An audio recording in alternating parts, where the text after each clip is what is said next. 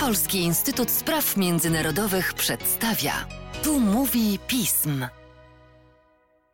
W podcaście Polskiego Instytutu Spraw Międzynarodowych wita Państwa Łukasz Jaśna. Dziś sprawa, która trochę nam schodzi z publicystycznych debat, bo bardzo rzadko rozmawia się o tego typu politycznych działaniach. Mam na myśli amerykańsko-rosyjskie rozmowy o kontroli zbrojeń jądrowych, coś co historykom od razu uruchamia pewną lampkę związaną z bardzo dawną przeszłością, ale jest rzeczą jak najbardziej współczesną. Mamy na szczęście wspaniałych gości, którzy nam o tym opowiedzą, naszych analityków. Łukasza Kulesa, zastępcę kierownika Biura Badań i Analiz PISM. Cześć Łukaszu. Witam. I naszego specjalistę od spraw bezpieczeństwa i wielu, wielu innych, Artura Kacprzyka. Dzień dobry.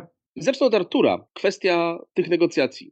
Czego one tak właściwie dotyczą? Bo kontrola zbrojeń jądrowych to jest takie bardzo, bardzo ogólne pojęcie. Stany Zjednoczone i Rosja od czerwca prowadzą negocjacje związane z zbliżającym się wygaśnięciem układu Nowy Start, czyli układu z 2010 roku, który ogranicza strategiczne siły obu państw. Siły strategiczne, czyli siły jądrowe zdolne do uderzenia z terytorium jednego mocarstwa na drugie na dystansie międzykontynentalnym. Nowy Start, ponieważ w 2010 roku nastąpił porozumienie podpisane jeszcze w roku 1991. Obecne porozumienie ogranicza po obu stronach liczbę bombowców dalekiego zasięgu i planych do maksymalnie 700 i do 1550 głowic, które na tych e, pociskach i bombowcach mogą się znajdować. I układ ten wygasa w lutym przyszłego roku. Komplikacje polegają na tym, że po pierwsze, administracja Trumpa krytycznie podchodzi do nowego układu START i idealnie chciałaby wynegocjować nowe porozumienie, które ograniczałoby także inne rodzaje broni jądrowej, nie tylko tą strategiczną, bardzo dalekiego zasięgu,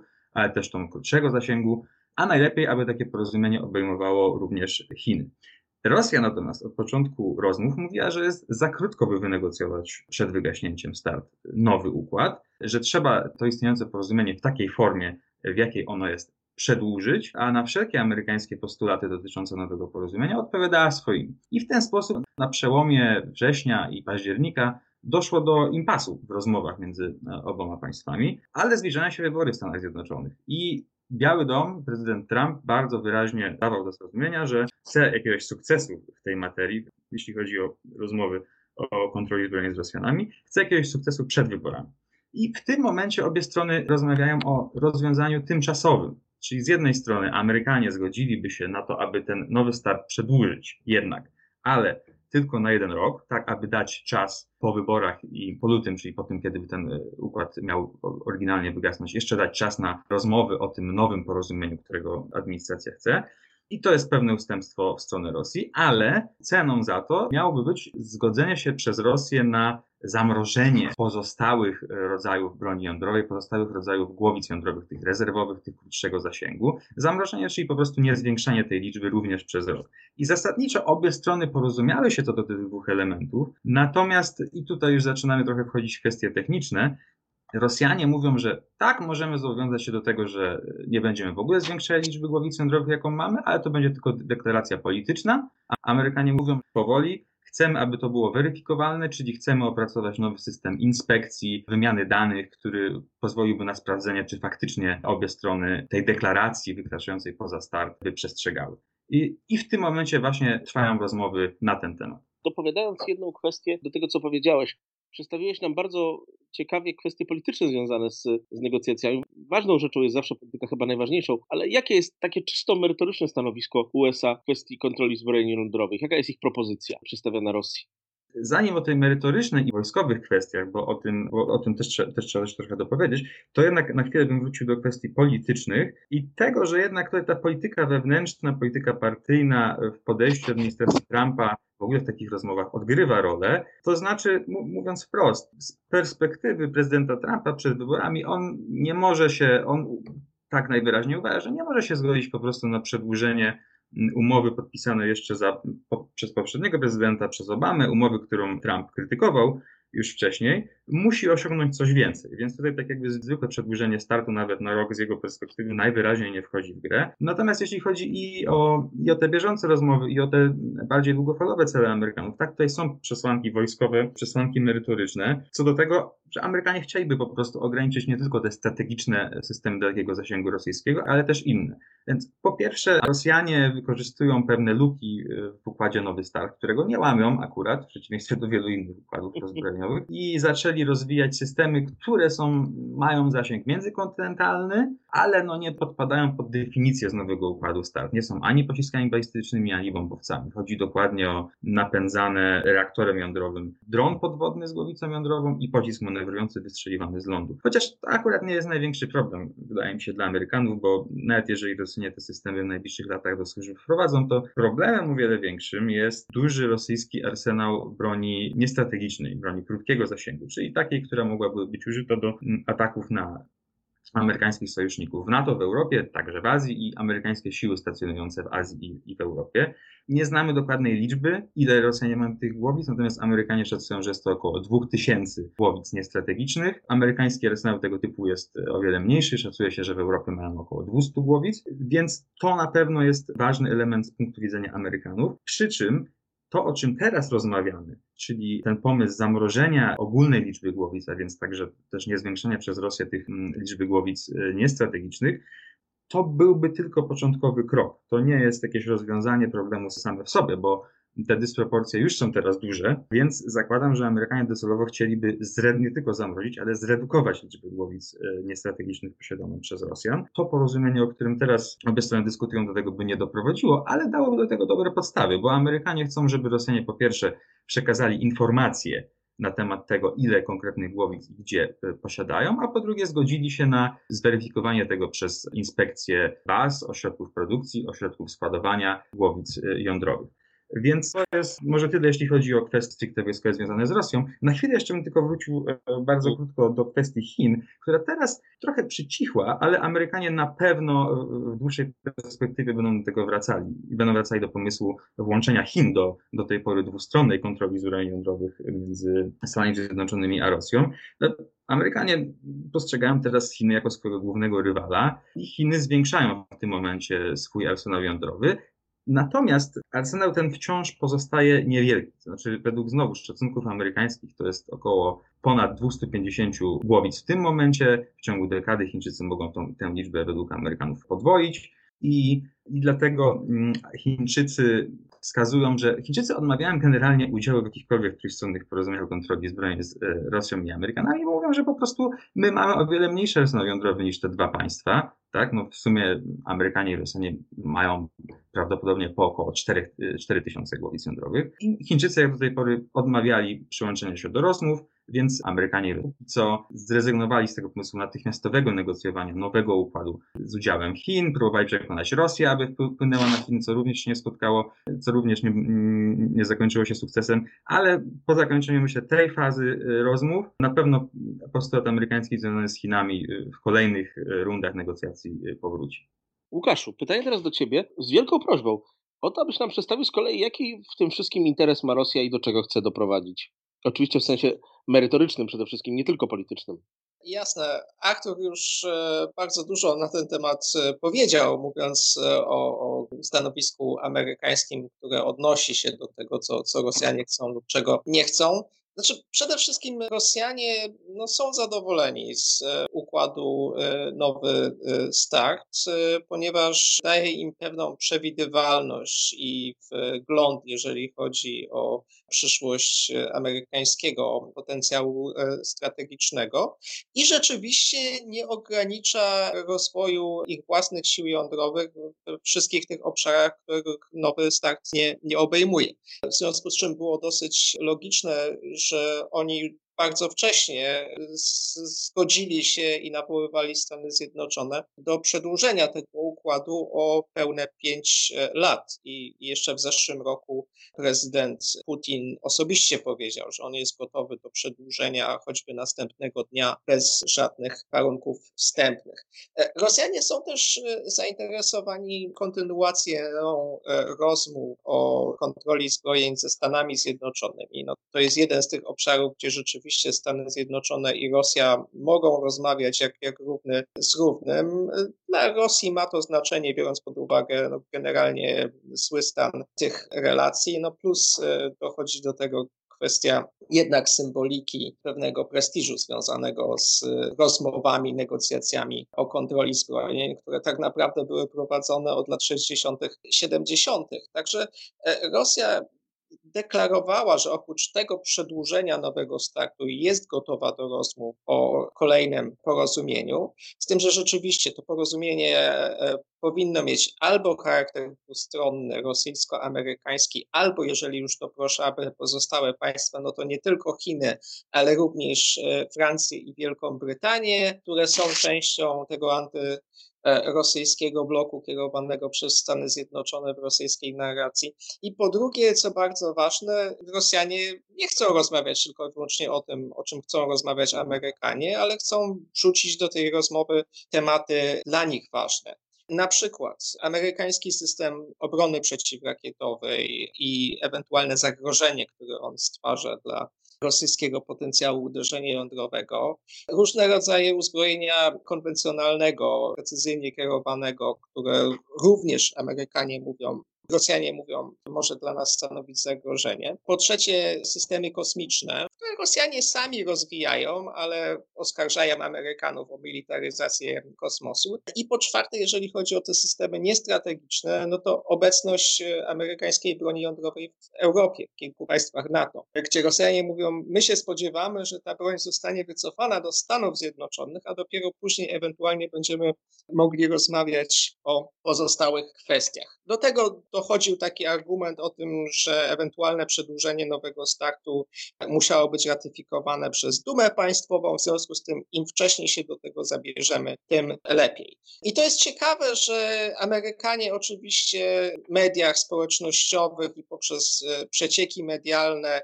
w tym momencie e, dają takie sygnały, że, że w zasadzie Rosja zgodziła się na wiele, w tym na to zamrożenie, Natomiast ze strony rosyjskiej płynie absolutnie odrębny przekaz. To znaczy, że my jesteśmy tym państwem rozsądnym i odpowiedzialnym. My jesteśmy w stanie rzeczywiście zgodzić się na ograniczony w czasie przedłużenie nowego startu i na jakiegoś rodzaju zamrożenie wzrostu liczby głowic, ale robimy to po to, żeby uratować stabilność e, strategiczną i dlatego, że administracja e, Trumpa nie dała nam innego wyjścia. Także tutaj w tym momencie obie strony trochę też grają do, do publiczności, zarówno w swoich własnych państwach, jak i e, do, do dyplomatów, ekspertów, do, do wszystkich, którzy interesują się kwestiami kontroli zbrojeń.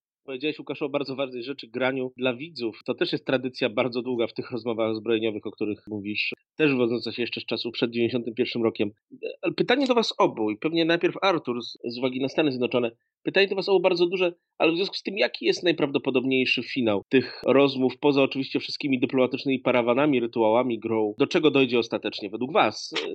Na ile możemy to przewidzieć?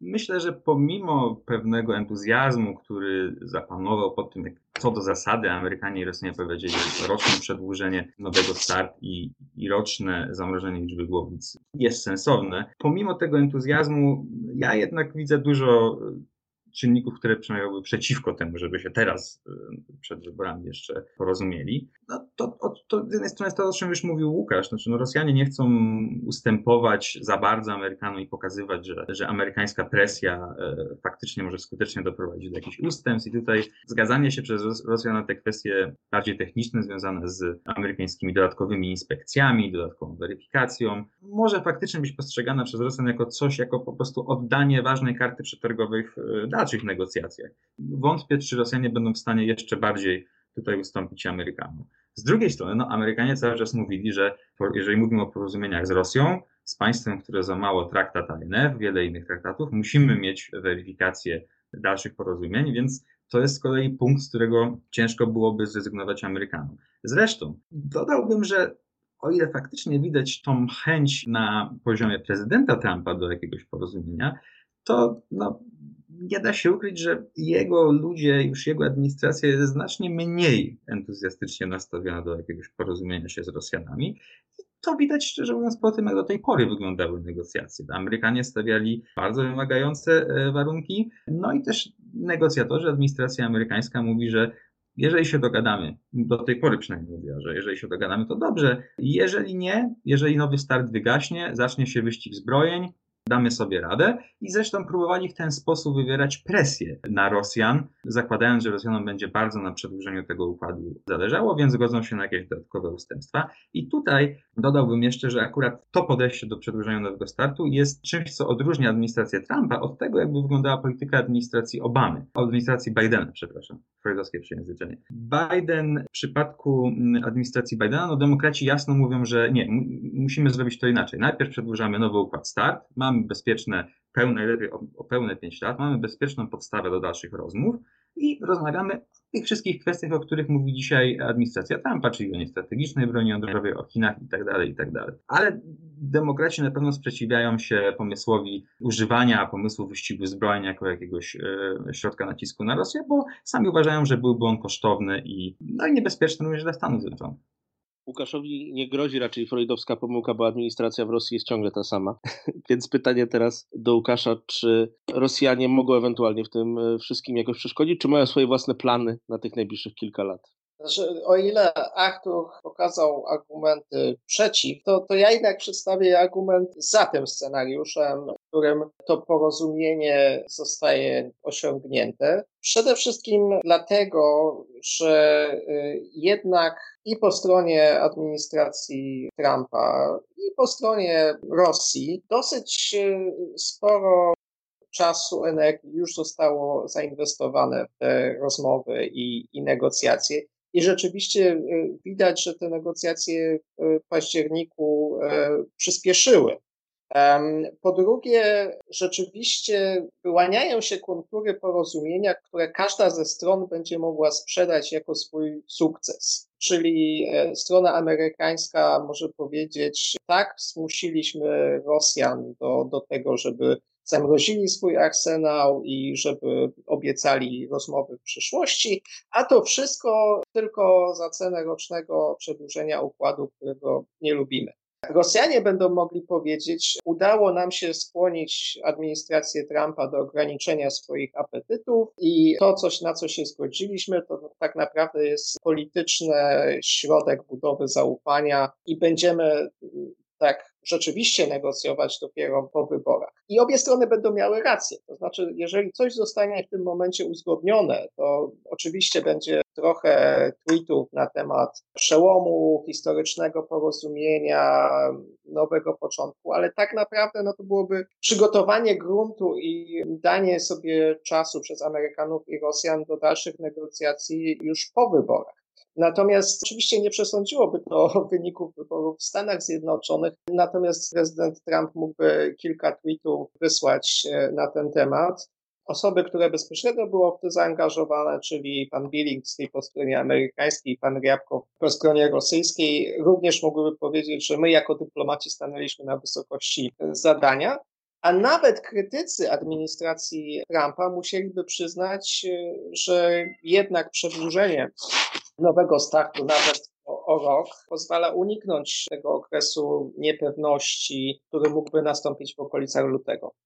Pytanie znowu do Ciebie, Łukasz, ale i do Artura. Jak bardzo te takie negocjacje między Stanami Zjednoczonymi a Rosją dwustronne wpływają na, na kwestie związane z NATO, z obecnością w NATO, wspólnego bezpieczeństwa?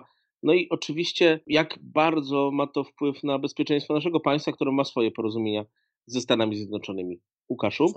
Wpływ jest pośredni, powiedzmy sobie szczerze, no bo e, chociaż Amerykanie informują e, swoich sojuszników NATO, w tym Polskę, o, o swoich negocjacjach, no to jednak nas nie ma e, przy tym, przy tym stole negocjacji nigdy nie było nikogo oprócz Amerykanów i Rosjan. Więc można powiedzieć, że oczywiście w naszym interesie jest przedłużenie tego w tym momencie kilku, kilku dekad już trwającego procesu kontroli zbrojeń strategicznych i ograniczania zbrojeń strategicznych pomiędzy Rosją i Stanami Zjednoczonymi i, i rzeczywiście, jeżeli nowego startu nie będzie, no to zacznie się mm, trochę wolna amerykanka, e, jeżeli chodzi o, o, o pełny zakres e, zbrojeń jądrowych. Natomiast jednocześnie, no, jak dla nas interesująca jest kwestia, czy uda się ustalić jakieś warunki, które by do tych przyszłych negocjacji dołączały kwestie tej niestrategicznej broni jądrowej, tej, którą my się najbardziej martwimy, jeżeli chodzi o, o flankę wschodniej, a nawet jako minimum, czy uda się y, jakiś większy stopień transparencji ustalić, jeżeli chodzi o, o, o tą broń, bo po stronie rosyjskiej my nie wiemy, ile jej jest, my nie wiemy do końca, gdzie jest, my nie wiemy, jakie są procedury jej użycia, więc jeżeli tutaj Amerykanom uda się coś od, od Rosjan wyciągnąć, to z naszego punktu widzenia byłoby to bardzo dobre. Arturze. Uzupełniając y, tylko to, co powiedział przed chwilą Łukasz, gdyby udało się wynegocjować Amerykanom coś, co, co ograniczałoby rosyjską niestrategiczną broń jądrową, to świetnie, to jest chyba taki nasz najbardziej bezpośredni interes w tym, ale też w interesie i Polski i NATO jest to, aby jednak te ograniczenia dla arsenałów strategicznych międzykontynentalnych, aby one istniały, aby one te porozumienia były kontynuowane. Z tego prostego powodu, że jeżeli zacząłby się wyścig zbrojeń strategicznych między Rosją a Stanami Zjednoczonymi, no to naturalnie Amerykanie mogliby mieć mniej e, środków do wydania na siły konwencjonalne, w tym siły konwencjonalne przeznaczone do obrony Europy i flanki wschodniej. Jest też pewien element polityczny związany ze spójnością NATO i nastrojami w NATO na, który, na, na, które to kwestie mogłoby, czy to wygaśnięcie nowego start, czy, czy nie wynegocjowanie żadnego nowego porozumienia wpłynąć. To znaczy, bez wątpienia, jakiś wyścig zbrojny, narastanie napięć nuklearnych między USA i Rosją byłoby podnoszone przez zwolenników na przykład wycofania amerykańskiej broni jądrowej z Niemiec, jako po prostu argument za tym, aby od tego wyścigu zbrojeń się odłączyć. I myślę, że takie narastanie napięć utrudniałoby dyskusję w NATO na temat tego, jak NATO ma dalej adaptować, zmieniać swoją politykę, e, politykę jądrową do odpowiadania na wyzwania ze strony Rosji. Więc utrzymanie tej ciągłości i kontroli zbrojeń strategicznych jest w interesie NATO. Tym podsumowaniem myślę możemy powoli zakończyć, zwłaszcza, że to pewnie jeszcze koniec nie będzie, bo pewnie spotkamy się wtedy, kiedy jakieś finalne rzeczy się być może pojawią. Panowie, dziękuję Wam bardzo, bardzo mocno. Dziękujemy również. Dziękuję. I do usłyszenia